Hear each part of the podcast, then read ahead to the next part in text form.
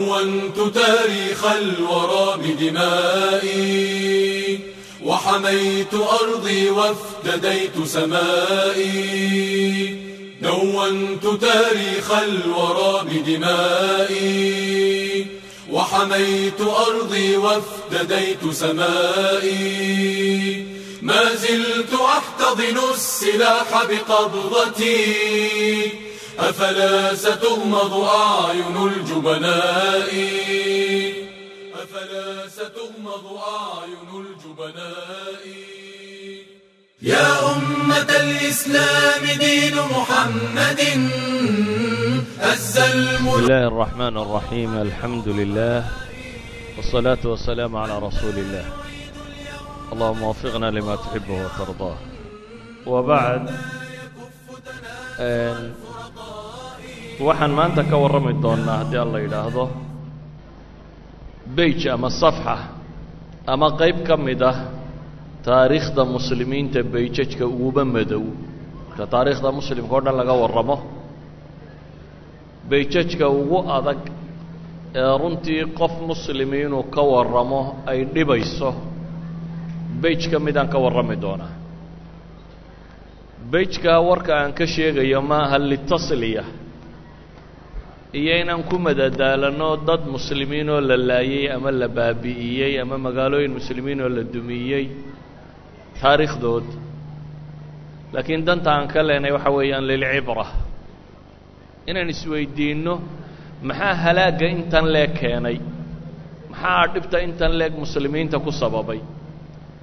Waayo fi taariikhi اlislaam waa markii koowaad ee caasimaddii muslimiinta ee khilaafa alislaamiya ka telinaysay min mashriqi ilaa maqribi ay hoos imanaysay waa markii koowaad ee taariikhda la qabsado. Waxaynu geli doonnaa markaa daris sheegistiisu ay naxdin badantay ka warrankiisuna uu adag yahay. Laakiin aan isku dayayo bal inaan soo guud maro intii aan guud mari karo. Waxaynu joognay dowladdii tataarka oo uu qabsaday ninuu awoowiyey jinkis khan oo inankiisii ugu yaraa uu dhalay ee tuuli oo la yidhaahdo manko khan. Waxaynu soo sheegnay dowladdaa uu qabsaday ninka la yidhaahdo manko khan oo nin hooyadii masiixiya ay tahay.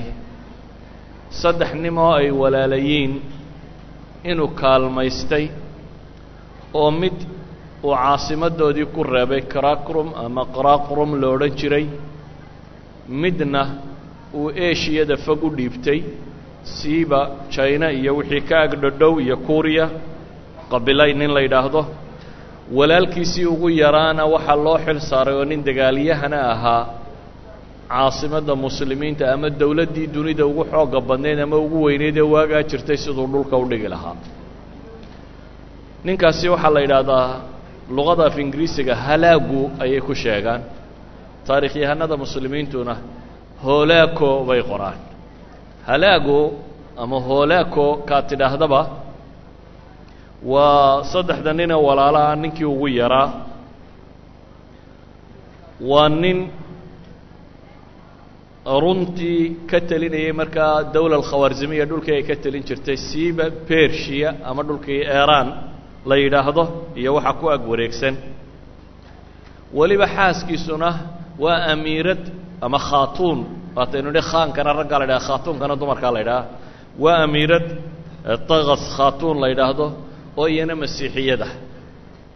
Marka boqorku hooyadiiba masiixiyada ninka kanna xaaskiisa ayaa masiixiya. Waxaad dareemaysaa markaa masiixiyadda inay xoog badan ku yeelatay dowladdii tataarka iyo dhankeeda. Ninka kani siduu khilaafada islaamiga u dumiyo isagoo ah nin qalbi adag oo aan naxariis aqoon haddana wuxuu ahaa nin deggan oo tallaabadiisa aada uga fiirsada oo wuxuu u baahnaayoo dhan isku dayey inuu muddo sameeyo. Weeraruna aan iska qaadin laakiin tijaabiyey inuu tamhiid hordhac tiro badan le u arrintaa u sameeyo. Hordhacaasi wuxuu ku qaatay muddo shan sannadood uu ka shaqaynayay. Lix boqol iyo sagaal iyo afartankii ayaa la soo diray. Ilaa lix boqol iyo afar iyo kontonkii hijiriyada shantaas sannadood wuxuu waday diyaargarow isagoo bershiya jooga oo ciraaq aanay waxba u jirin ayuu haddana diyaargadow waday waxay dhahdaan nimanka taariikhda qoraa diyaargarow buu sameeyey afar meelood ku saabsan. Kow wuxuu diyaargarow ka sameeyey bay idhaahdeen infrastructureka ama albinya taxtiya oo ah logisticska waxaana yidhaahdaan sidii uu u heli lahaa ciidamada shidaalka wixii uu u baahan dhan waddadii ay u soo mari lahaayeen. Dabeetana wuxuu sameeyey waddooyin isku xidha min ciraaq ilaa jine waddooyin waaweyn oo isku xidha ayuu samaystay. Waddooyinkaasi uu samaystay oo dhul buuralaya mara oo tajikistan iyo afghanistan iyo faris iyo dhulkaasi oo dhan mara ayuu samaystay. Waddooyinkaa uu sameeyey webiyaa dhulkaa mara webiyadaasi wuxuu u samaystay bridgeyo bridge ama jisir dhul ciidamada iyo qalabka iyo wuxuu u baahan yahe o dhami ay ka tallaabi karaan oo waaweyn buu ku sameeyey. Wuxuu kaloo u dhigay ciidamo ilaaliya waddadaasi iyo meelahaasi ay marayaan logisticskiisa oo dhami muwaasalaadkiisa yacnii ciidanka taakulaymihiisa oo dhami dhulka ay marayaan. Ciddii ilaalin lahayd buu sameeyey. Wuxuu samaystay bay idhaahdaan qalab wax lagu xambaaro oo xayawaan ay jiidaan oo waaweyn oo uu ku soo raray xusuunta ama qalcadaha. Dhufaysyadan waaweyne la galo ee dhagaxa ka samaysan ee adag. Qalab jiniisku ay samayn jireen iyo dhulkaasiyo lagu garaaco oo markaasi lagu dumiyo ayuu soo xambaaray oo soo qaaday oo jayno ka keenay ilaa iyo baqdaad duleedadeeda uu keenayey wuxuu sameeyey dhulka waddooyinkee uu samaystay inta u dhow ee agagaarkeeda wuxuu ka ilaaliyey xoolo daddaqdaan iyo xoolaa duurjooga midnaba inuu daaqo. Wuxuu ku tala galay fardahoodu inaanay u baahanin in calaf loo qaado markaa seeruu u sameeyey. Fardahan militarigu wato dee raashin bay u baahan yihiin. Si aan raashinkooda ugu cuslaanin waddooyinka isku xidha min jayna ilaa baqdaad ee ciidamadiisu ay marayaan agagaarkeeda seeruu ka dhigay. Seeruhu waa dhulkan laga ilaaliyo xoolaha iyo wuxuuba inay galaan ee la ilaaliyo. Dhul lama degaanu ka samaystay oo ugu talagalay inaanay calaf waxay cunaan u baahan fardaha ciidamadiisu wataan. Waxaynu odhan karnaa wixii uu u baahnaa ee isku xidhka caasimadiisa iyo meeshuu ka yimi iyo dhulkuu degaya wuu wakaajiyey kaasi waa qaybta koowaad ee diyaargarowga qaybta labaad ee diyaargarowga ee ninkani uu bilaabay waxa weeyaan diyaargarow aan lagu aqoonin dowladdii tataarkee hore. Dowladda tataarkee hore waxaa lagu yaqaanay inay dowladnimadooda u ictiraafsay inay tahay sayidat اlcaalam hal qura inuu dunida nin quri ka taliyo wixii kaloo dhammina hoggaansi inay la yimaadaan. Luqada diblomaasiyaddana may aqoonin waayo niman reer baadiyaaba ahay reer miyigu inta badan afkan nifaaq ee la ysku soo dhadhaweeyo shaqadooda kuma jirto waa luqo waadixa ama la istilo ama la kala nabad galo. Laakiin ninkani wuxuu bartay luqati diblomaasiya iyo taxaalufaad siyaasiya. Gaashaanbuur inuu sameeyo isagoo dowladdii u xoog badnayda ayuu gaashaanbuur sameeyey. Gaashaanbuurta uu sameeyey waxaa la waday xaaqaankiisii weynaa ee manco khan. Waayo manco khan bay yidhahdaan markii koowaad lix boqol iyo koob iyo kontonkiibu wuxuu aqbalay safaara diblomaasiyiin ka socda reer galbeedku inay tegi karaan qoraqoram oo wadaxaajood lala sameeyo. Diblomaasiyiintan waxaa soo diray louis taasic oo dagaalkii koowaad ku jabay intaan la qabanin.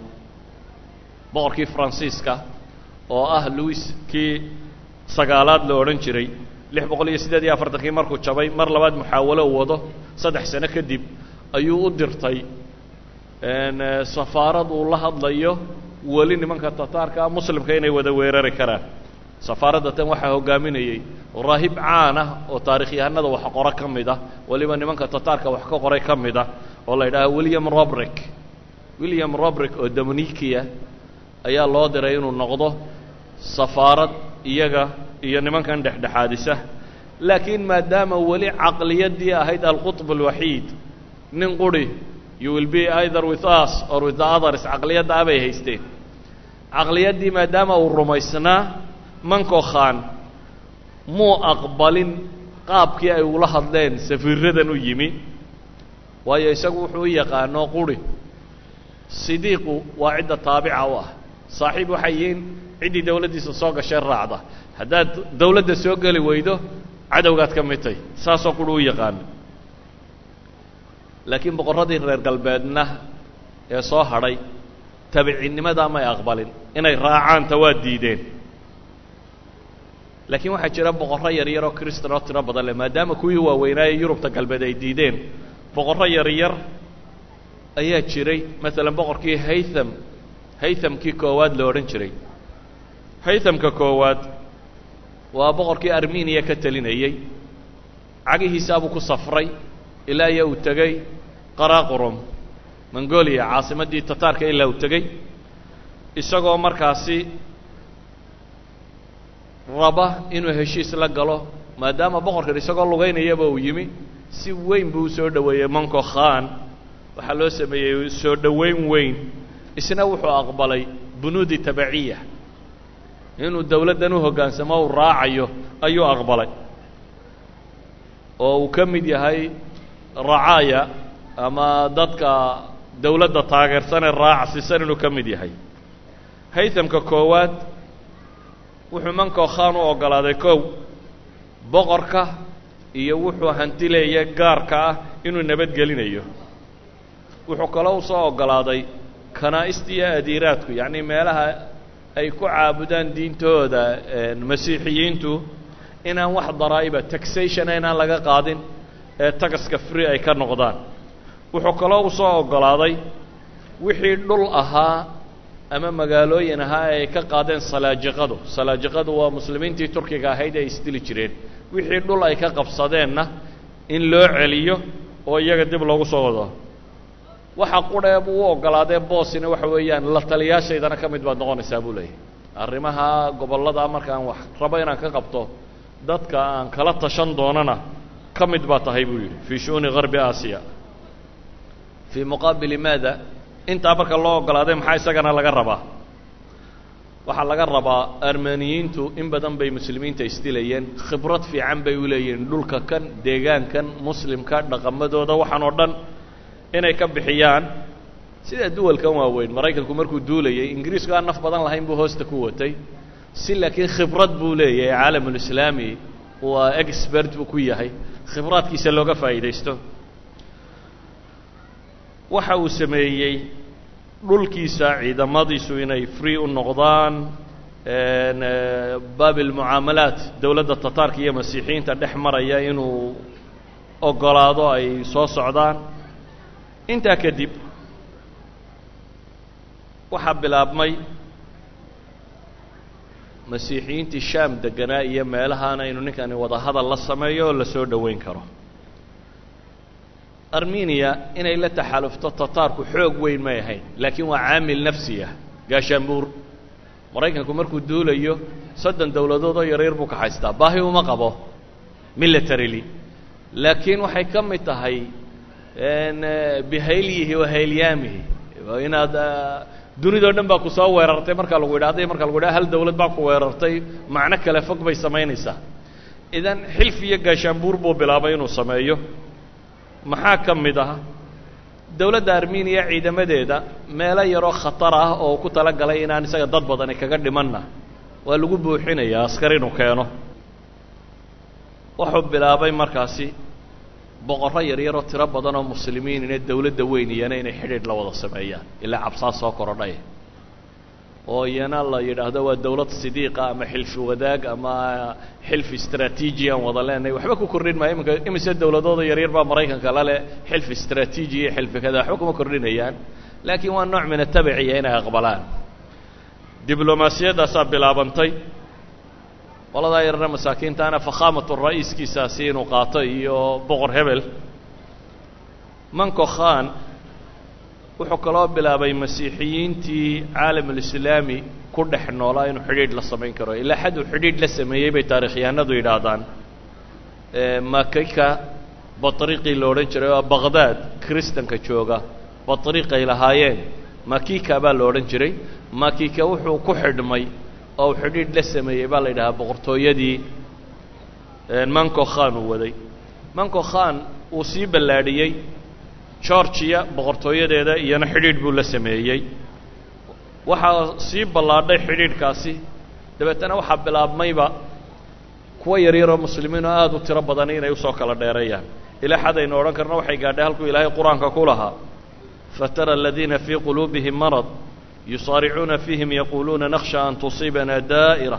Facasa allahu an yaأtiya biاlfatxi aw amri min cindi fayusbixuu calaa maa asaruu fii anfusihim naadimiin ilahay wuxuu yihi kuwa qalbiga ka buka waxaad arkaysaa iyagoo u kala dheeraynaya gaalada iyo la xidhiidhkooda.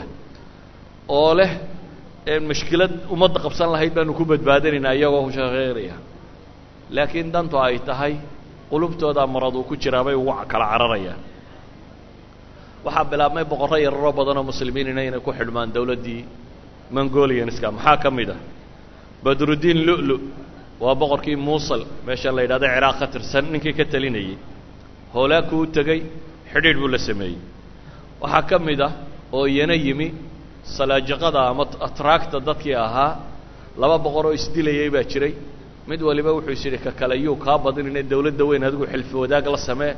Dabeetana labadiiba mid isagu waxaabuu ka qayb galay oo kiitaa markii la caleema saarayey dhowrkii kuna tegey buu ku jiray. Kii kalena waa ka daba tegey labaduba xidhiidh bay la sameeyeen. Midi waa ruknadiin waa qalaj arsanaan araabic dowla salaajiqadii arsalaan araabic waktigii dowladdii uu ka talin jiray weeyaan. Waa ruknadiin ninkii la baxay. Ka kalena kakaws ayaa la yidhaahdaa cizudiin bay ula baxay. Cizudiin kakaws baa la yidhaahaa. Labadaa boqor ee salaajiqadayhina iyana way tageen xilfi wadaag bay la soo sameeyeen. Labada nin waxay ka taliyaan markaa waqooyiga ciraaq iyo turkiga. Intaas bay ka taliyaan iyana xilfi wadaag bay la soo sameeyeen arrintu intaasoo qura kuma sinna. Dowladda weyn waa laga wada cabsanayaa annaasir yuusuf waa suuriya xalab iyo dimashik boqorkii ka telinayey isna xagga dambuu ka soo wareegay. Dowladdii manco khan ee tataarka ayuu isna xilfi wadaag la soo yeeshay. Bale si uu ugu caddeeyo inuu mar kasta uu heegan yahay oo arrimaha kan aqbalayo inankiisii la yidhaahdo alcaziiz ciidan baaba la soo siiyo ciidamadu wato hoolaako hurin ka midaa la yidhi hoggaami waa boqor muslima inankii ayaa wuxuu hoggaaminayaa ciidamada. Hoolaako hurin ka mida ayaa la yidhi hoggaami waxaa kaloo yimi suuriya xums alashraf ilayubi oo isna xumus jooga si uu dowladda tan xilfi wadaag ula samaysto. Nimankan meesha maraya aan tirinaya dambe waxay ku abtirsadaan salaaxaddiin ilayubi waa dhashii ama kuwa awowyada u ahaa salaaxaddiin ilayubi weeyaan qolada tan tataarka xaggiisa u cararaysa. Waxaa ka mid a dadka xilfi waaweyn la samaynayey dee nimankii hoggaamiyaashaba ka ahaa brovinsiskii muxaafadaadkii muslimiinta qaybo ka mida maalan turkistan iyo maa waraa'i nahar oo dhan nin mascuud yalvash la yidhaahdaa haystay ninkaasina ciidan buu soo ururiyey. Waa maamulo ka tirsan. Waa qoladii la socotay oo kale uun maraykanka markii uu ciraaq qabsanayey ee meelaha uu dhiidhiibtay waa maamule meeshaasi maamula oo uu dhiibteen tataarku. Isna ciidamo badan buu soo qoray oo muslimiinah oo jaanibka tataarka ka bilaab ka dagaalgelaya waxaa ka mid ah dadka uu xidhiidhka la soo sameeyeen basaasiintii iyo wixii ilaa xad baqdaad bay soo galeen. Ra'iisul wasaarihii khilaafada islaamigaa baa xidhiidh lala sameeyey. Waa kuma waa mu'ayidiin alcalqami mu'ayidiin alcalqami ashiici waa meelaha bay yidhaahdaan boqorka kan meesha qabsaday. Siyaasad darradiisa uu gafka weyn kaga dhacay. Laba-iyo afartankiiba wuxuu saaray madaxnimo. Raisal kii ra'iisul wasaarihiisii hore markuu dhintay ra'iisul wasaare shiiciyuu qaatay oo weliba mutatarif ah ayuu qaatay bay yidhaahdaan. Ninka kani oo shiiciga ah isla sanadka baqdaad la qabsan doono sannadkii ka horreeyey waa sannadkii ay dhacday fitnadii baan rajaynayaa. Baqdaad ka dhacday ee shiicada iyo muslimku islaynayeen dowla alcabaasiya sideedaba iyo calawiyiintuna col bay ahaayeen. Oo intaasoo hawro oo calawiyiina bay shantii boqolee sannadood ay xukumayeen ay laayeen. Saa daraaddeed sidoodaba iskumay fiicnayn iyagoo isku qabiil oo isku jiliba. Oo caliy bnu abi aalib iyo cabbaas ay ku kala abtirsanayaan reer binu cabdilmuطalib wuxuuba isku yihiin haddana dowlad ahaan iskumay fiicnayn. Markaa shiicadu aad bay uga cabanaysay dowladdan cabbaasiyiinta si kastaba ha noqotee ra'iisal wasaarihiina wuxuu xidhiidh hoose la yeeshay hooleko intaa waxaa sii raaca oo hooleko waxaa la weydiinayaa inuu fudaydiyo ciidanka tataarku siday u soo geli doonaan meesha waxaana loo ballan qaaday. Boqorka marka la rido majliska ka talin doono guddiga loo dhiibi doono baqdaad ee ka talin doonta in madax looga dhigayo. Adigu booskaagaba waayimaysid baa la yidhi. Majlis alxukm majlis la yidhahday tataarku samaynayeen markii baqdaad ay rideen. Dabeetana majliskaasa adiga madax lagaaga dhigayaabaa ballankaasaa la siiyey. Khulaasadu waxa weeyaan ciidamadii tataarku intaanay dagaalka bilaabin waxay sameeyeen xilfi wadaag tiro badan oo ay ka soo samaysteen. Xukaamtii muslimiinta iyo kuwii kiristankaba ee agagaarka joogay oo markaasi akraad u badnaa iyo shiico. Dawla alcabbaasiya markii khawarzimiyiinta la liqayay dee umay gargaarin bal ee tataarkay taagtaageeraysa iyaga marka la liqayo waa aljazaau min jinsi alcamal de. Maadaama adba kuwii hore aada lugta u qabatay adna cidinku difaaci mayse waxay noqotay adna qaar lugta ku qabtoon in lagugu itixaamo isbe dawla alkhawarzimiya iyo milyan milyanka loo dilaya ka warramayay. Ama nishabuur ama marwa ama samarqand ama bukhaara markii la tirtirayey umay gargaarin. Taasi waxay sababtay dadku siduu u kala furfuraa in iyagana markooda dad tiro badani uu ku soo baxaan. Boqorradii karamaan ka oo barq ninkii la odhan jiray oo ah khiyaatuddiin ayaa meesha madax uga dhigtay. Jalaaluddiin kii walaalkii weeyaan. Waa boqorkii khawarzim ee moxamed ayaa dhalay. Labada walaalii markay isdilayeen mid baa meesha u sii dhiibtay. Kii meesha u sii dhiibtaa u yimi kii intuu ikhtiyaal ku sameeyo madaxa ka gooyey ayuu u geeyey madaxii khiyaatuddiin waxaa loo diray maxay?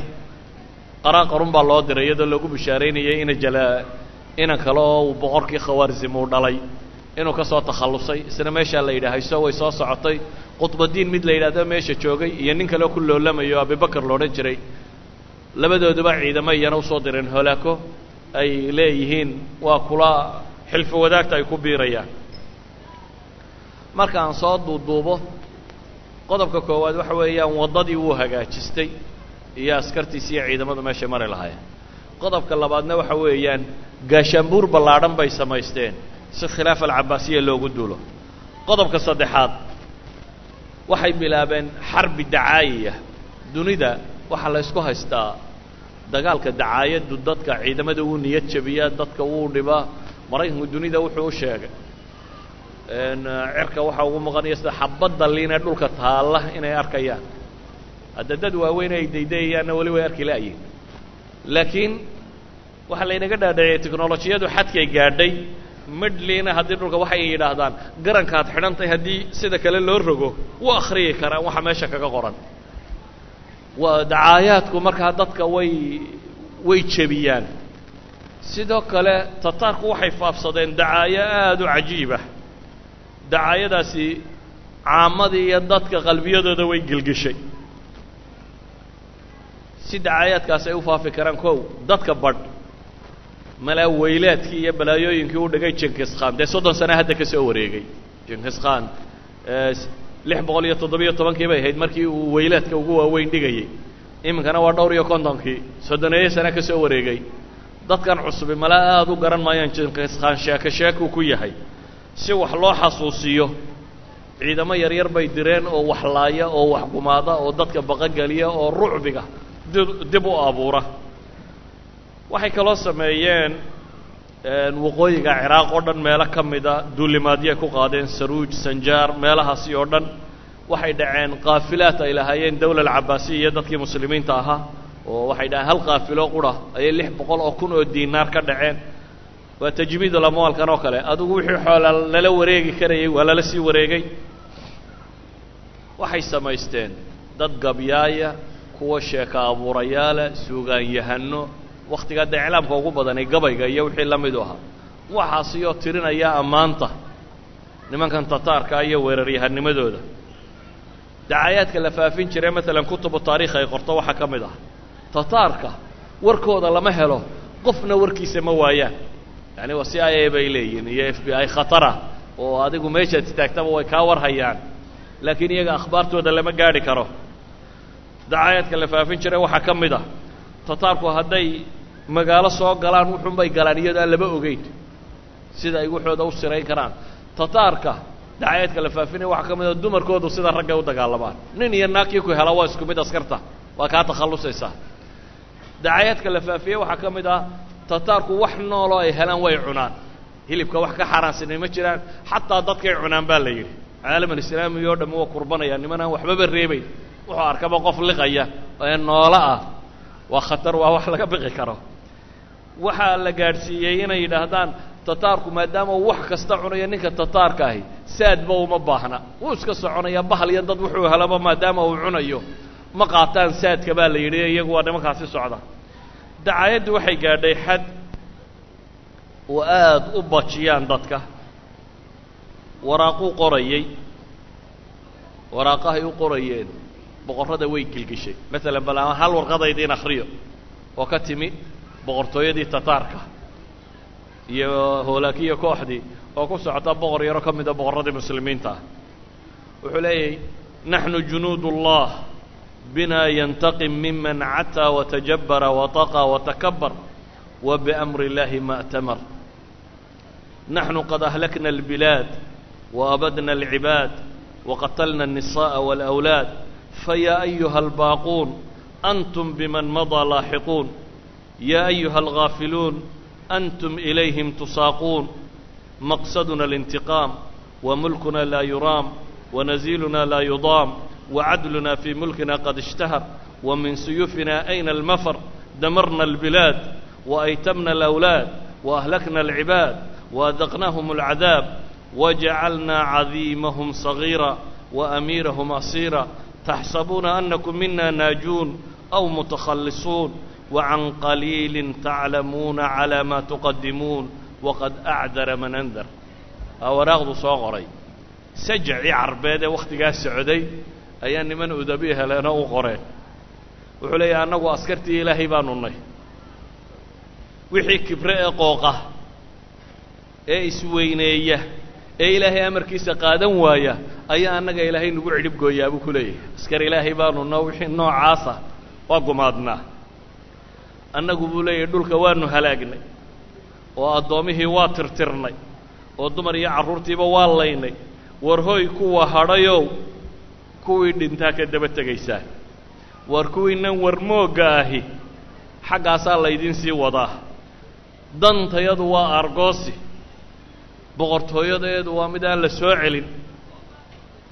Cadaaladdaeedu waa mid faaftay. Seefahayaga xaggee laga geli. Dhulka waa tirtirnay. Carruurta waa agoomaynay. Addoommaha waa halaagnay. Cadaabka dadka waa dhadhansiinay kuwooda waaweyn yar yar baanu ka dhignay. Boqorradoodana maxaabiis baanu ka dhignaa. Ma waxaa u malaynaysaan inaad naga baxsan doontaan? Goor dhow ayay idin garan doontaan waxaa aad la kulmi doontaan. War ninkuu digay kuma dilin buu ugu gebagabeeyey. Waa waraaqdu u diray. Boqorradii muslimiinta ayaa meelaha waraaqda loo dirayaa qaabkaasay u qoran tahay. Dee boqorraa walba iska baqayey oo gaashaanbuur dhima isugu tagtay oo waraaqaha loo diray ay kuwan yihiin waxay keentay in aada loo kurbado.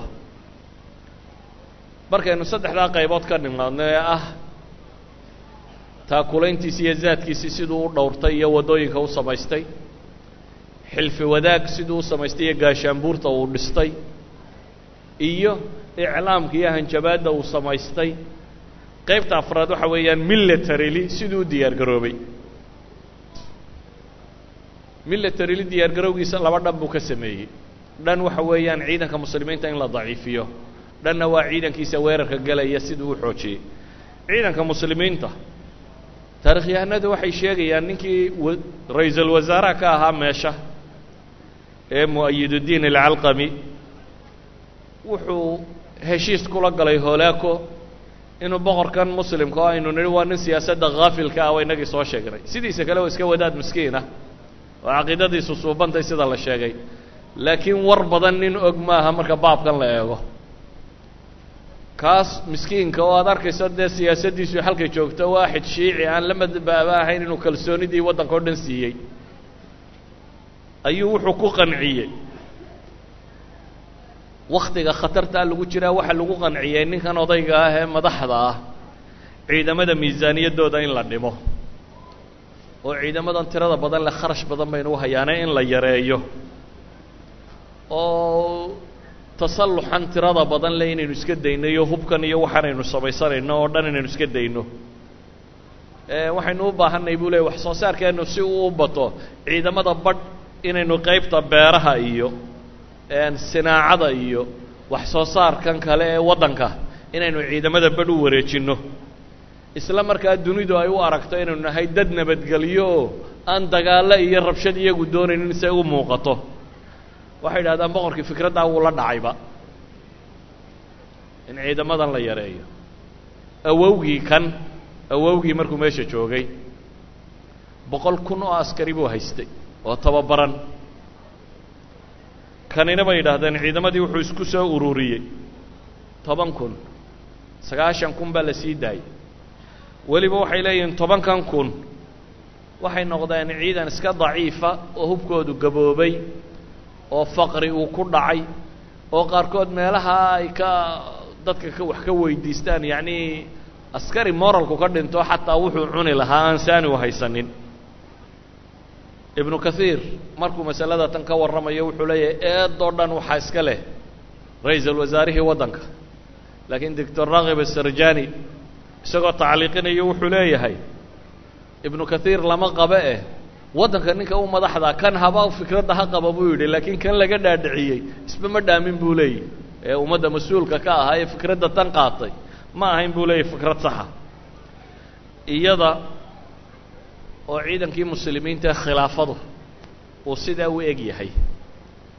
Ciidankii tataarkuna uu xilfi wadaaggaa tirada badan la soo samaystay ayaa haddana khilaafa alcabaasiya waa qalbi alcaalam alislaami waa dowlad shan boqoloo sannadood soo jirtay waa dowlad dunidu ay ku xisaabtamto waa magaalada dunida ugu dad badan leh saddex milyanoo qof baa baqdaad degan waa magaalada dunida ugu cilmi badan leh ugu maktabada badan leh ugu aqoon-yahan badan ugu farsamo yaqaan badan ugu technology sarraysa. Mahmaa uu sidaa yeelay haddana ma aha meel lagu dhiiran karo waana qalbi alcaalam alislaami idan ku xisaabtan militariyo aada u tiro badan bay leedahay. Sidaa awgeed ayuu wuxuu dalbaday hoolaakoo ciidamadiisan beershiya degan oo quri inaanay dagaalka gelin ee in la siiyo taakulayn wax allaaliya wuxuu u baahan yahay. Waxaa amar la siiyey kow ciidamadii bershiya iyo adarabijaan iyo intaasi isagu degan yahay joogay oo dhan inay qiyaadatu hoolaako galaan oo dagaalka xaggaa ka galaan. Waxaa kaloo la faray bato ibnu jajo ninkii aynu lahayn ee awowga u ahaa jinkis khan oo dowlad gaara iyagu samaystay alqabiila dahabiya golden hord meel qabiiladii la baxday. Waa foolgaha webigan volga la yidhahda iyo agaarkeeda ayay dowlad nawcun maa dowladda weyn hoos timaada laakiin xukunkeeda idaarigii uu mustaqil yahay ayuu bato xukumaa bato baa waxaa la yidhi ciidan waa inaad adna dirtaa oo meeshaasi geysaa bato wuxuu soo diray isagana ciidan. Saddex inan oo walaalkii dhalay ay hogaaminayaan oo tiro badan ayuu yidhi idinkuna dagaalka ka qayb gala. Waxaa kaloo la yidhi meesha waa khilaaf alislaamiya aynu duulimaadka kunay kuma filla. Ciidankii yurub loogu tala galay oo turkiga xaggiisa sare jooga oo dagaalyahan bijo la yidhahdo aynu hore uga sheekaynay uu hogaaminayo. Isna waxaa la yidhi ciidanka oo dhan dib u celi.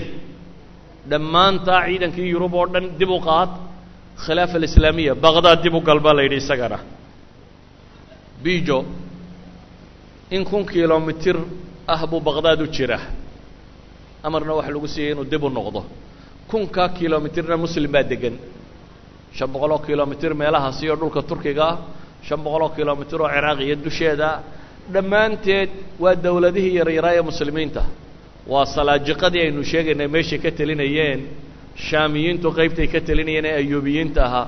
Muusa shan aynu lahayn badrudiin baa haystay. Dhammaanteed waa duwal yaryar islaamiya. Laakiin waxaa la faray intaasoo dhan inuu ka tallaabo oo uu tago meesha la yidhaahdo baqdaad inuu ka dagaal galo. Waxaa kaloo ciidan laga soo ururiyey boqorkii armeniya hetham isna wuxuu keenay ciidan ka socda waddankiisii boqortooyadii yarayd ee georgiya kurj ee iyana xilfi la gashay iyana hurin kaley soo dirto ciidana oo dagaalka ka qayb gasha. Maadaama meeshu ay khilaafadii to ay khatar tahay dowladdii weynayd ee jayne ka telinaysay dib baa loogu noqday. Waxaa la yidhi ciidan si gaara u tababaran baa loo baahan yahay.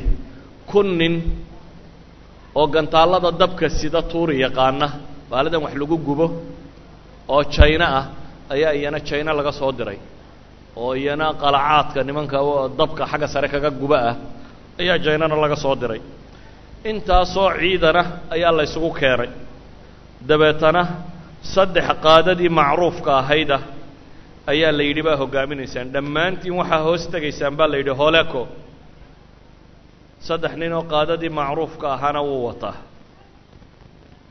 Waa holeco oo ciidanka qayb wata katabqa katabqa waa oo nin ka mida ciidamadii tataarka weliba geesiyadooda waaweyn isla markaana isagu masiixi buu ahaa. Katabqa taarikhda haddaad dib u daraasaysaan waa qitis ninkay isheleen tataarka waaga la soo jebin doono caynu jaaluut macrakada la yidhaahdo goobahaasi xagga qoladan gaalada ninkii hogaaminaya weeyaan katabqahani marka waa nin masiixiya isla markaana tataara hogaamiyaashooda waaweyn ka mid a katabqana qayb baa loo dhiibay. Qaybta saddexaadna waxaa wata bijo oo ah qaa'idkii yurub inuu furto lagu talagalay. Saddexdaa qaa'ide waaweyn baa wata ciidanka tataarka mushaarikiintii yaryaraana waa dhex socdaan oo uu ka mid yahay de annaasir yuusuf amiiru dimashq. Isagu inankiisii alcaziiz iyo ciidan watuu soo diray oo meesha ka qayb galay. Boqorkii muusal badrudiin lu'lu firqa koox iyana taageerto oo militariya buu soo diray. Maxaa la yidhaahdaa karmaankii joogay qutbuddiin waxoogaa kooxuu soo diray. Inankii uu dhalay abibak sacd ibnu abibakar oo isna meesha joogay waa nin ka mida karmaan kuwii isku hayay boqorrada yarraa isna ciidan buu soo diray. Dawaa'if yaryar oo muslimiin iyo kristan iyo ciidamo yaryar oo kaloo tiro badanina meeshay marayaan. Waxaasoo ciidanaa la ysugu keenay. Muslimiintii tirada badnayd ee turkmenistan iyo dhulkaa turkistan iyo dhulkaa deganaydna ciidamada laga keenay. Markaa meesha tan caalamka o dhan baa maraya. Askar muslimiina guutooyin gobollo islaamiya ka socda guutooyin gobollo kristana ka socda iyo saddex guuto oo waaweyn ama saddex ciidan oo waaweyn oo ka socda nimankii la odhan jiray tataarka ciidanka intaa leeg baa isugu yimi. Waxaa jirta markuu ciidankii soo dhaqaajiyey ayuu hoolaako mas'ale kaleu ka fekeray oo ah luuq yar baa udhaxeeya isaga iyo baqdaad oo ay degan yihiin nimanka shiicada ismaaciiliyiinta la yidhaha xashaashiyiinta dabeetana wuxuu is yidhi armay nimankani rabshad kugu keenaan malaa waxa fiican intan inaad cagta mariso ka takhallustid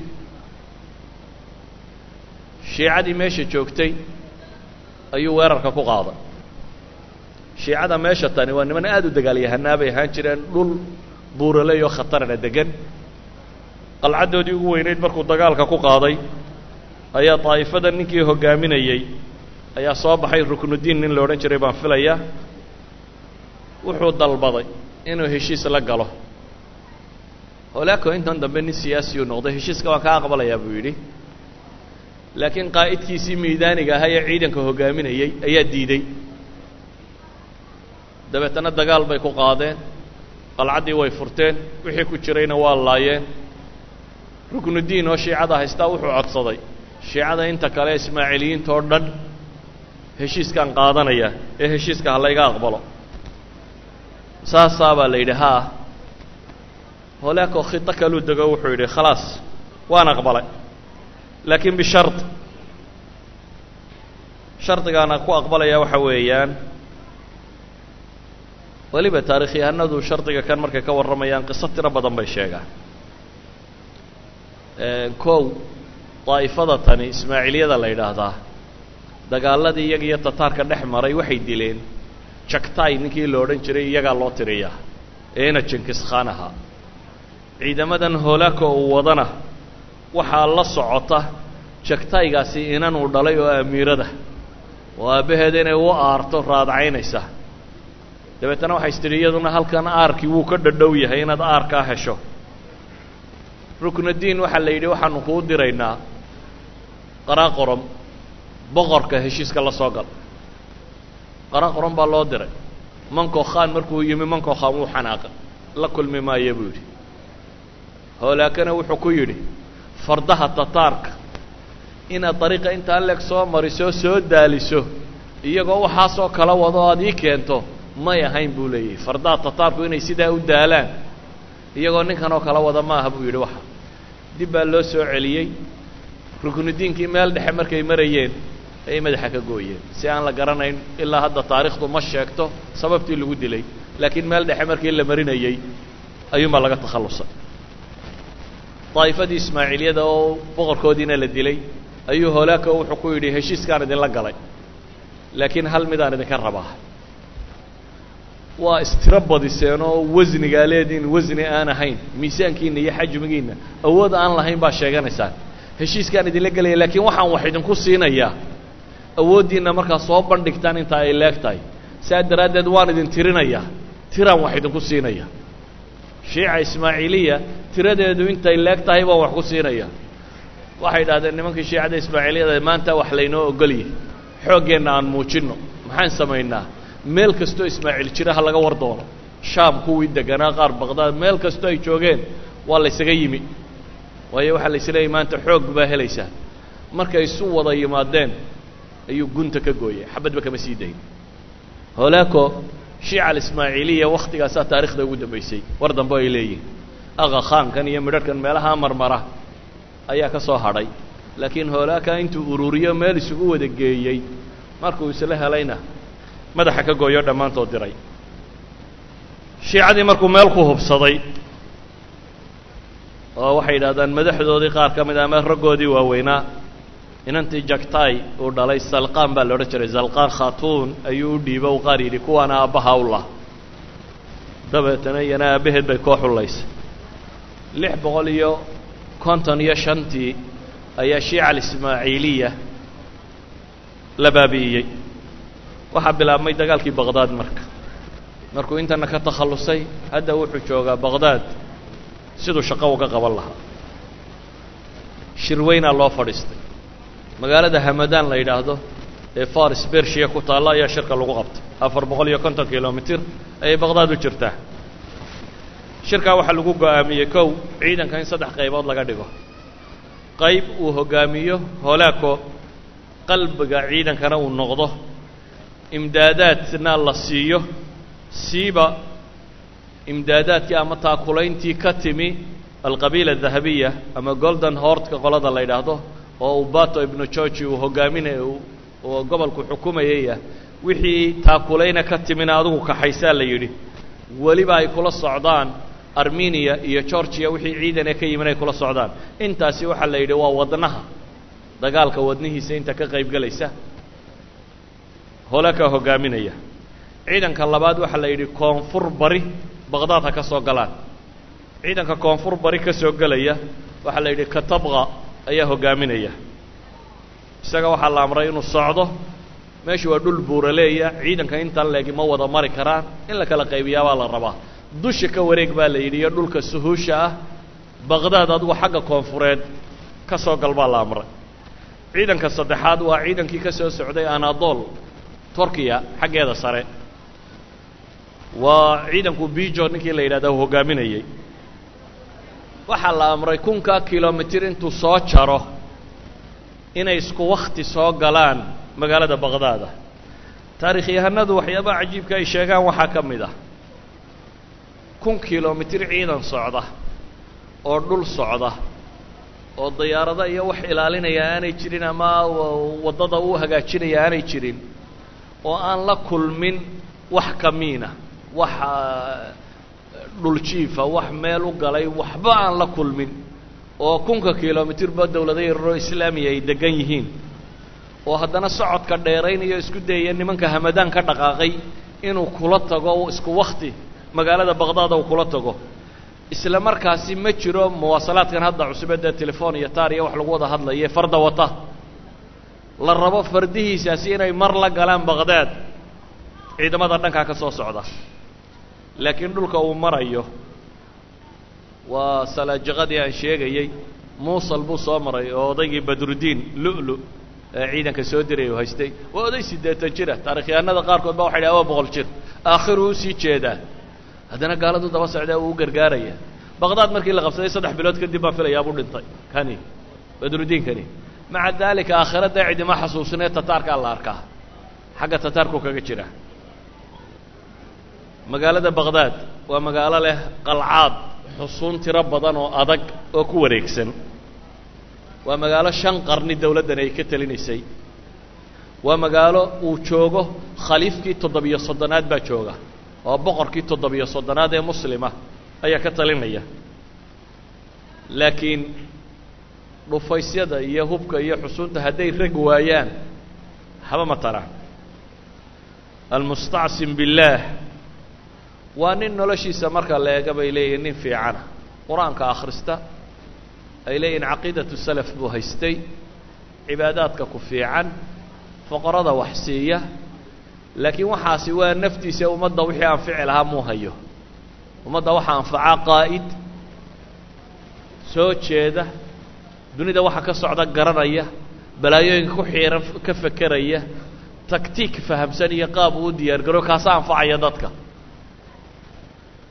walidaalik ibnu kahiir markuu ninkan ka warramayo wuxuu leeyahay kaana xasan suura nin qurux badan buu ahaa buu yidhi jayidu sariira taariikhdiisa iyo laabtiisu ay aada u fiican tahay صaxiixu اlcaqiida caqiido fiican muqtadiyan biabiih almustansir biاllahi fi اlcadl aabbihii ku dayanaya xagga cadaaladda sadaqo badan culammada sharfa iyo dadka cubaadda ah madhabu salaf sunniya ku sugan.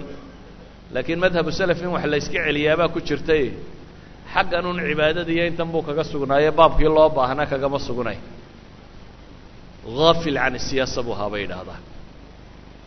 Wadciga waxa ka socdana si fiican uma garanaynin. Ragga sida loo kala doortana si fiican uma garanaynin. Rag raga baa joogay. Ou ka mid yahay adeerkii alkhafaaji ninkii la odhan jiray ou ka mid yahay rag badan oo raggaa jiray laakiin raggii ragga ahaa waa la durkiyey. Mujaahidudiin aybak baa ka mid ah. Mujaahidudiin aybak iyo mu'ayudidiin alcalqami col bay ahaayeen. Kan shiiciga abaa kor loo soo qaaday kan kale waa la durkiyey. Idan muu lahayn aragti siyaasi oo dheer muu lahayn kafaa'o qiyaadiya sida uu doctor raakib isarjani leeyahy muu lahayn himo koraysa muu lahayn geesinimadii qaraarada lagu qaadan lahaa wakhtiga kan adag. Muu lahayn buu leeyahay karismihii uu u baahnaa inuu ummadda uruuriyo oo dadku ay ag joogaan. Muu lahayn buu leeyahay ragga sida loo miidho ama loo doorto ama loo xusho. Lix iyo toban sannadood waa in laga diyaar garoobo way ahayd. Intuu boqorka ahaa waa lix iyo toban sannadood oo sanadkiisii toddobiyo tobnaad. In laga diyaar garoobo way ahayd mase dhicin ee waa kaa askartiisii beeralayda ka dhigay iyo sanaacinta. Maxay ku gebagabowday markaa waa madax ummaddana aan diyaar garaynaynin kursigana aan ka kacaynin. Waa kuwa maanta joogow. Qofku waxay ahayd ama inuu shaqada u qumo ama inuu banneeyo cid kaloo u qumi karta tago. Anaana fadhinaya waxna tari maayo. Qaacidadaa bay joogtay ragguu doortay. Waa kuwan khiyaamaynaya ee ninka kan kolba u tegaya. Magaalada baqdaad saddex milyan oo qof baa jooga. Culammada dunida ugu tiro badan baynu odhan karnaabaa deggan. Waa dhul raaxo culum nadariyo tiro badan baa taalla. Waxay maqleen wixii afghanistan ka dhacay wixii madaabix ka dhacday wixii dawla alkhawarzamiya ka dhacay wixii muslim la laayey inay wax ka taraan daaya de iyagaaba kala qayb galay mararka qaarkood sida la sheegayo dawla alkhawarzamiya sidii looga takhallusi lahaa. Maadaama iyaba ay kaa tataarka ku caawiyeen in laga takhalluso iyana kuwii ag joogay baa waxay ku caawiyeen in iyaga laga takhalluso. Muxaram labiyo toban markay ahayd lix boqol iyo lix iyo kontonkii hijiriyada waa sannadkii lix boqol iyo lix iyo kontonkii hijiriyada bishii koowaad ee muxarama labiyo tobankeedii markay maraysay ayuunbaa waxaa la arkay dhanka bari ee magaalada baqdaad isagoo ciidamadii hoolaako ay taagan yihiin oo uu bilaabay inuu dhigto madaafiicdiisii wixii gaarmi lahaa. Dhanka koonfur barina koonfur yacni bariga oo koonfurta raacsiisanna katabqaabaa ka soo galay. Markaasuu boqorku hambaabiray dabeetana ijtimaac taari ah. Kulan degdega ayuu qabtay. Kulankii degdega ah baa laga wada hadlay. Kulanka.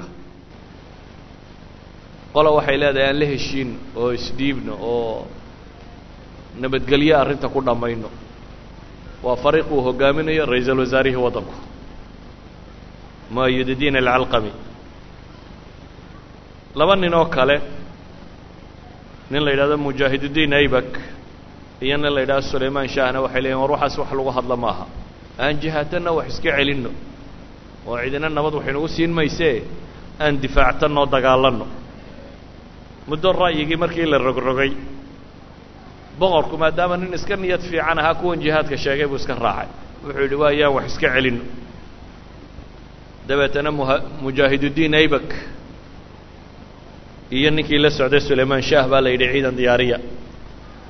Nimankii markay ciidankii diyaar garoobeen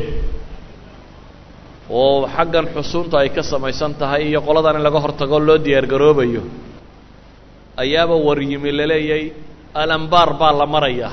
Ciidankii yurub ka soo galaa isna halka maraya meeshan ambaar imika la yidhahdo ciraaq ayuu maraya waa wa meel aada u dhow aan waxba u jirin waana dhul bannaan oo dabeetana waxaa la yidhi waxoogaagii ciidankee la ururiyey waar bal qoladaa waajaha.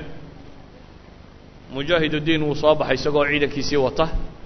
Wuxuu ka hortegay bijo iyo ciidamadii dhankan yurub ka soo galay ee kunka kilomitr soo socday ayuu ka hortegey laakiin nasiib darro trainingku haddaanu fiicnayn oo si fiican taktiigii military waa laga tiro badiyey waa uu tallaabay webigii iyana ka soo tallaabeen meel dhoobo dhoobo ah oo mustanqacaad oo biyo fadhiisinoo xagga shishe looga maray sidii wax jabay baa la ysaga dhigay.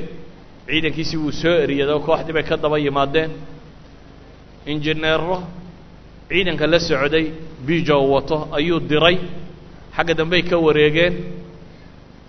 Biyo xidheennadii ku xidhnaa meesha waa la faruuray oo biyihii waa la soo daayey si waddankan oo dhan dhooba ay uga dhigaan jusuurtii meelihii laga tallaabayeyna waa la jebiyey markii ciidankii tamdi maxaa la yidhahdaa taakulayntii oo dhan laga jaray xagga dambe webigii la faruuray ayuu ciidamadiisii ku soo jeestay. Dhoobo iyo meel aan farasba ordin la limanayo ayay joogaan. Gamtaa loo joogsaday. Mujaahidudiin aybak iyo in yaroo la socotay mooyaane ciidankana waa laga takhallusay. Dib ay u soo noqdeen iyagoo firdhaday baqdaad soo galeen iyadoo waxoogaagii ciidankee la ururiyeyna bijo uu badda ku cabbay ka soo takhallusay. Waa ciidan goobta lagu dagaalamayo dhulkiisii ay tahay oo haddana looga aqoon bato lagu khiyaameeyey. Waa dhulkiisii waa ciraaq gudaheeda lagu dagaalamaya laakiin waa looga taktiiki badiyey. Dabeetana iyagii baa meeshii ku jabay. Baqdaad buu soo galay waa sagaal iyo tobankii muxarim baa dagaalkani dhacaya.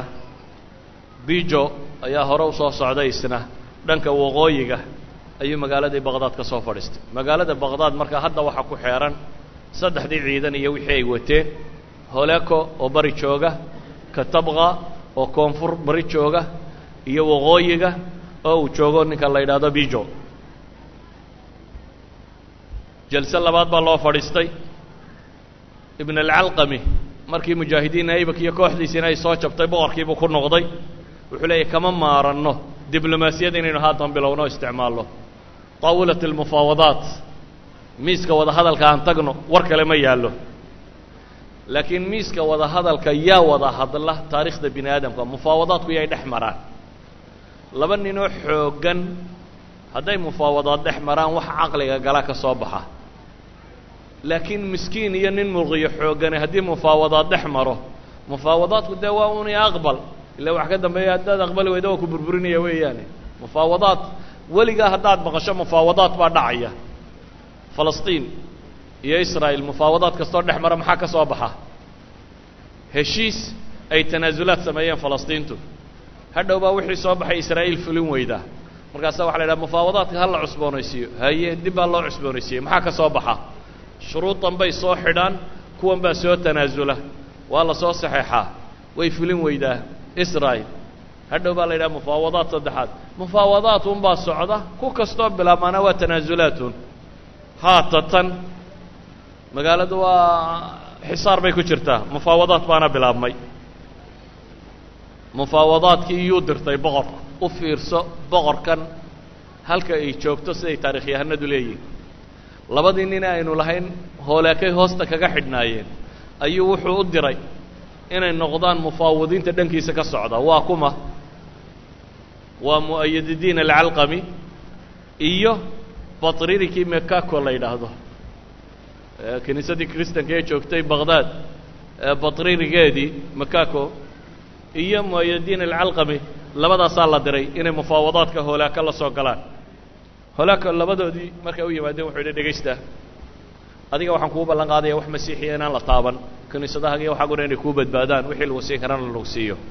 Adna waxaan kuu ballan qaadayaa baqdaad maalintaan gacanta ku dhigo majliska xukumaya ayaan madax kaaga dhigaya.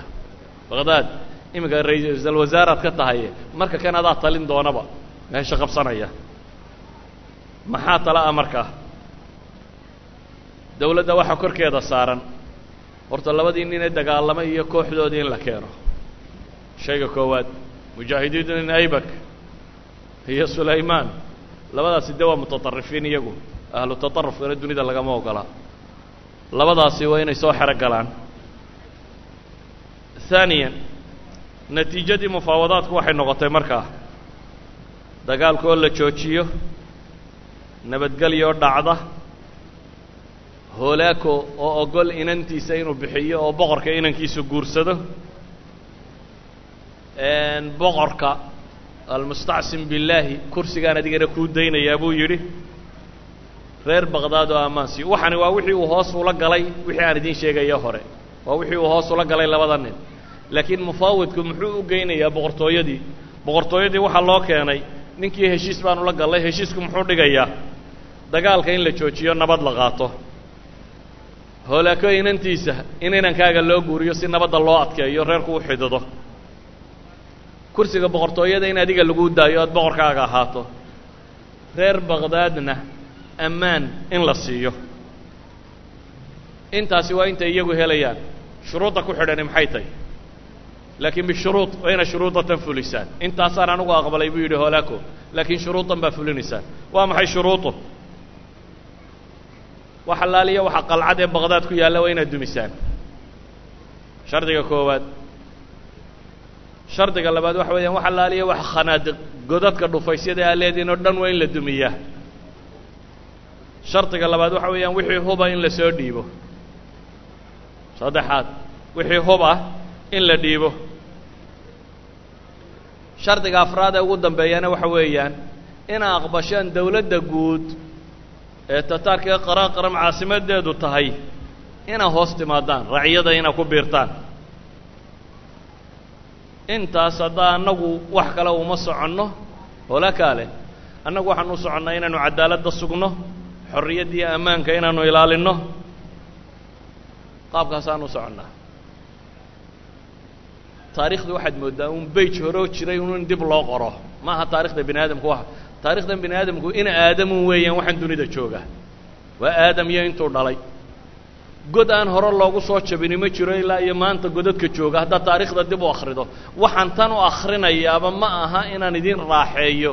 Oo muslim baaba ayaa idinka raaxeeyo. Laakiin waa inaan idin tusiyo taariikhdu bayjaj la rogo inteeda badan inay tay ciraaq soo maydan maqlaynin. Waxaa lagu qaaday hubka in laga mamnuuco hubkeeda inay gubto united nationka in loo soo diro waxa hubleeda inay gubto cunaqabata in lagu sameeyo in kan lagu sameyo muqaabilu dalik waa maxay? Nabadgelyaa laydin siinaya kadibna in xilfi wadaag uu maraykan soo samaysto dabeetana biduuni qaanuun in lagu qabsado. Kullu dalik taarikhda bini aadamku baqdaad suquudkeedii shalay ahaa iyo kii dhowr boqoloo sannadood siddeed boqoloo sano ku dhow ama sagaal boqoloo sano ka hor dhacay waa isku weji eegyihin siddeeddaa boqoloo sannadood bejku dib unbuu isu soo rogay boqorku si aanu mufaawadaadkaasi talaku'ba uga samayninna. Garaacistaa lagu bilaabay in magaalada garaacistu ay ku socoto. Bishii safar lo odhan jiray bilowgeedii baa waxaa la bilaabay. Afar maalmood in garaacis xooga lagu sameeyo magaalada. Ibnu kathiir wuxuu sheegayaa daartii boqortooyada square laga qabtay buu yidhi.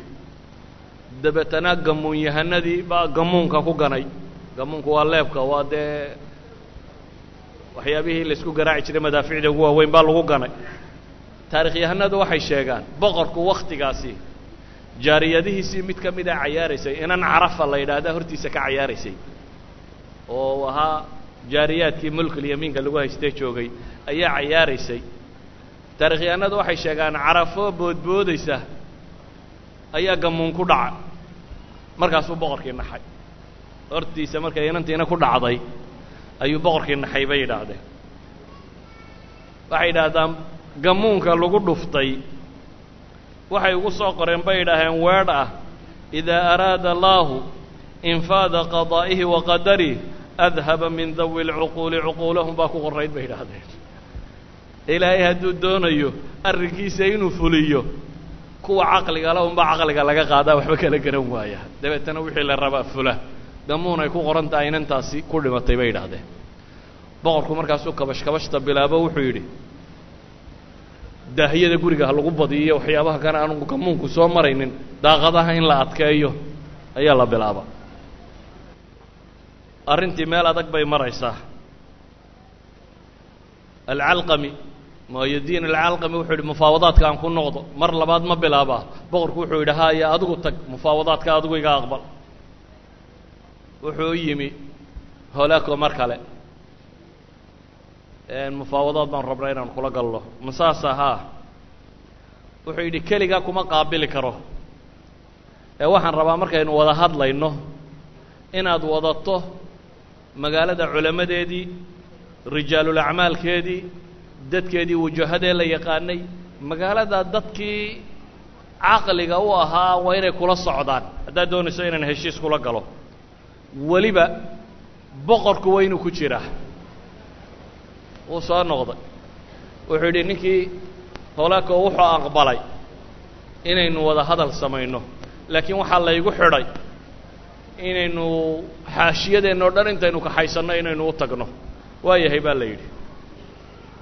Waxaa la soo kaxeeyey toddoba boqol oo ka mid ah magaalada baqdaad dadkii magaca iyo maamuuska ku lahaaya ee culamo leh ee tujaar leh ee waxgarad leh toddoba boqol oo nin oo ka mid ah.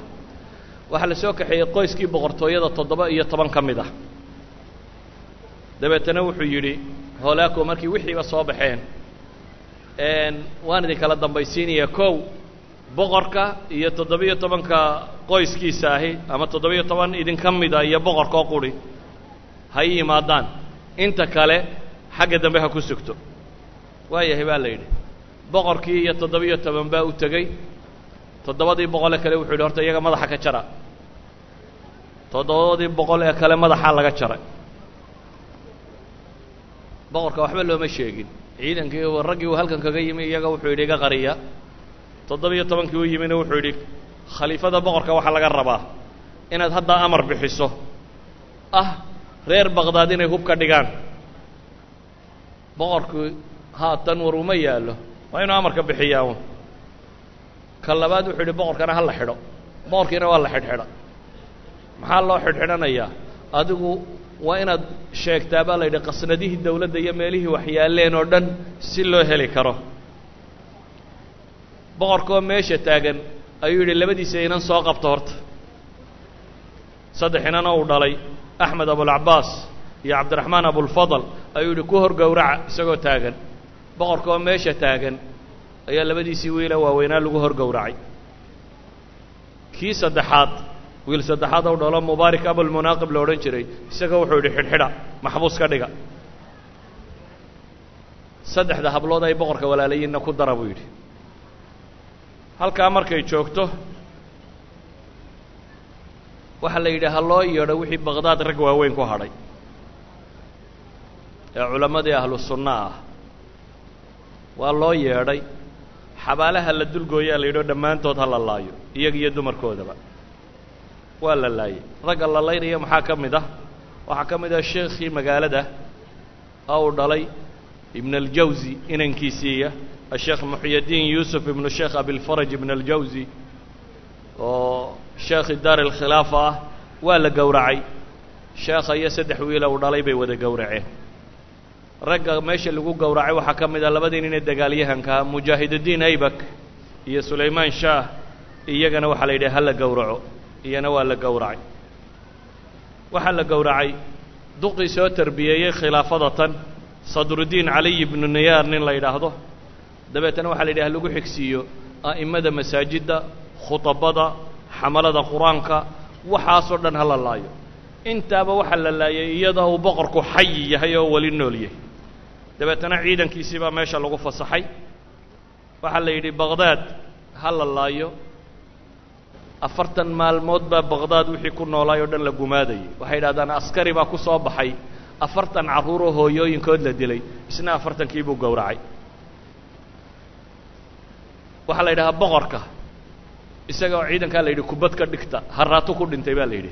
Sidii haraati loogu waday taarikhyahanada qaar baa waxay leeyihiin isaga cidhibtaa lagu dilay sidii haraati loogu waday? Ayuu boqorku geeriyooday. Waxaa ka soo baxay meesha tan maktabaddii ugu weyneyd ee dunida ku taallay. Maktabadda ugu weyneed dunida ku taalla baqdaad bay ku taallay. Waa maktabad haaruun urashiid oo asaaskeeda bilaabay boqol iyo dheeraadkii boqol iyo toddobaatan ilaa boqol iyo saddex iyo sagaashankii hijiriyadu isagu maamulayay. Dabeetana waxaa yaallay mujalladaadka dunida ugu tirada badan leh maxaad iyada ka sheegaysaa trablos tii lebnaan ee ay gubeen. Waxaa yaallay baa la idhaha saddex milyan oo mujallad saddex milyan oo volyum maxaad u malaynaysaa tii baqdaad? Iyadoo baqdaad maktabadda quri waxay lahayd dad nusaakhiin oo madbacadimo jirina wax qora dad kutubta dadka u dhiiba dad mutarjimiin oo afafka kale ka tarjuma researchers degan meesha quraf wax lagu akhristo meelo wax laysugu dhigo xalaqaad ama meelo nadawaad cilmiya lagu qabto o lagu niqaasho meelo ardadu ay seexdaan waa akbar ma waa maktabaddii dunida u weynayd oo uu yaallo aqoonta dunida dhammaanteed af kasta ku qoran ha noqdo afkii yunaanta griega kii siryaaniga ahaa kii hindiga ahaa kii sakritiga ahaa farisigii latinigii kullu luqaat way yaalleen may odhanin maktabadda rara oo qaraa qorum geeya lama odhane waxaa la yidhi rara oo webiga dajla ku gura. Webiga dajla ayaa aqoontii reer nebi aadam uu kala dhexlayay maaha aqoontii muslimiinta qura. Waa maca griiggii hore maca wixii bini aadam qoray muslimka wakhtigan waxay lahaan jireen rag aqoon-yahanoo dunida loo diro oo shaqadoodu ay tahay meel kitaab dunida yaallun inay arkaan soo qoraan. Kitaab kasta ciddii haysta waa laga iibsanayey waana la keenayey kitaab kasta waa la tarjumayey ayu cilmi ha ku saabsanaado. Maktabaddii intaa leekayd waxaa la raaciyey webiga dajla. Waxay idhaahdaan mudduu webigu khad dareerayay madoobaaday. Khadkii bugaagtan lagu guray. Fardaha lagaga tallaabiyey bay yidhahdaan webiga sidii maktabadda tan loogu guray. Afartan maalmood baa magaalada dadkii la xaaqayey waxay taarikhyahanadu sheegaan hal milyan oo qof dad ka badan baa la dilay. Taarikhyadana qaar baa laba milyan yidhaahdaa waxay dhahdeen guryahu masiibtoodu masiibku waa mijaroorka halkan biyuhu ay ka dareeraan. Dadku markay cararaan ee guryaha saqaf ka fuulaan baa laga daba tegay saa loo laynayo. Guryaha magaaladu dhiig bini aadan bay daroorayeen baa la yidhaahdaa. Dumarkii iyo carruurtii xagga sare koray iyo wixii sidii loo gowracayey guryihii baqdaad ku yaallay bay yidhaahaan sida roobka dhiig bay da'ayeen waxaa la tilmaamaa markii uu baqay xanuunna dilaaceen afartan maalmood kadib afartan maalmood wuxuu amray wax dhaqaaqa inaan la sii daynin. Aduu magaalo saddex milyan oo qof degantay oo intaasoo kunoo ciidan soo galeen oo qaradkuna yahay wax nool inaan lagaga tegin qiyaasun waxa ka soo baxaya. Oo maalin iyo laba iyo saddexaan inay afartan cashaa afartan markii lagu waday ayuu ciidamadiisii wuxuu uga baqay xanuunadu inay laayaan markaasuu yidhi ka soo baxa ibnu kaiir wuxuu leeyahay dadkii taacunni iyo balaaya ka dilaacay waman najaa min aلطacni lam yanju min aلطaacuun buu leeyahay ciddii birta ka nabad gashay daacuunkii baanay ka nabadgelin buu leeyay baqdaad intii hadhayna kaloora laayey daacuun baa laayey goorahan ba waa la eg fadhiyaan u malaynaya marka waxaan ku gebagabaynayaa uun taariikhda maantu. Waxaan joogaa weji ah baqdaad oo dunida taariikhdeedii ka baxday. Waxay cilmi lahayd waxay culamo lahayd waxay dad lahayd waxay boqortooyo lahayd dhammaanteed la laayay. Xoogna aan lagu diline talaxumo muslim ku dhimatay. Muslim isqaybqaybiyey oo iyagu col ah heshiisna iyo xilfi wadaag la gelaya cidda kale midba uu ka kale kula duulayo. Taariikhda dhexalkeedu waa kaa wakti kastoo ay saasi dhacdana. Ma aha inaan dadkan ku jirin dad cubaadi ama qaar ilaahay barya ama qaar salaad badan ama qaar caqiido wanaagsan. Xataa boqorkaa la leeyahy baa caqiido fiicnaa laakiin caqiide fiicni quri waxba ma tarayso haddaanay ummaddu wixii la faray aanay samaynin dhammaanteed. Haddaanay diyaargarowgii la faray aanay samaynin. Ummad kasta oo muslima oo iyadu isku jeesata oo istunta waxaa abaalmarkeedu yahay caasimadaheeda in gaala ka taliso. Waana inta maanta dunida ka taagan. Wallahu aclam bilahi towfiiq ونت تاريخ الورى بدمائي وحميت أرضي وافتديت سمائي دونت تاريخ الورى بدمائي وحميت أرضي وافتديت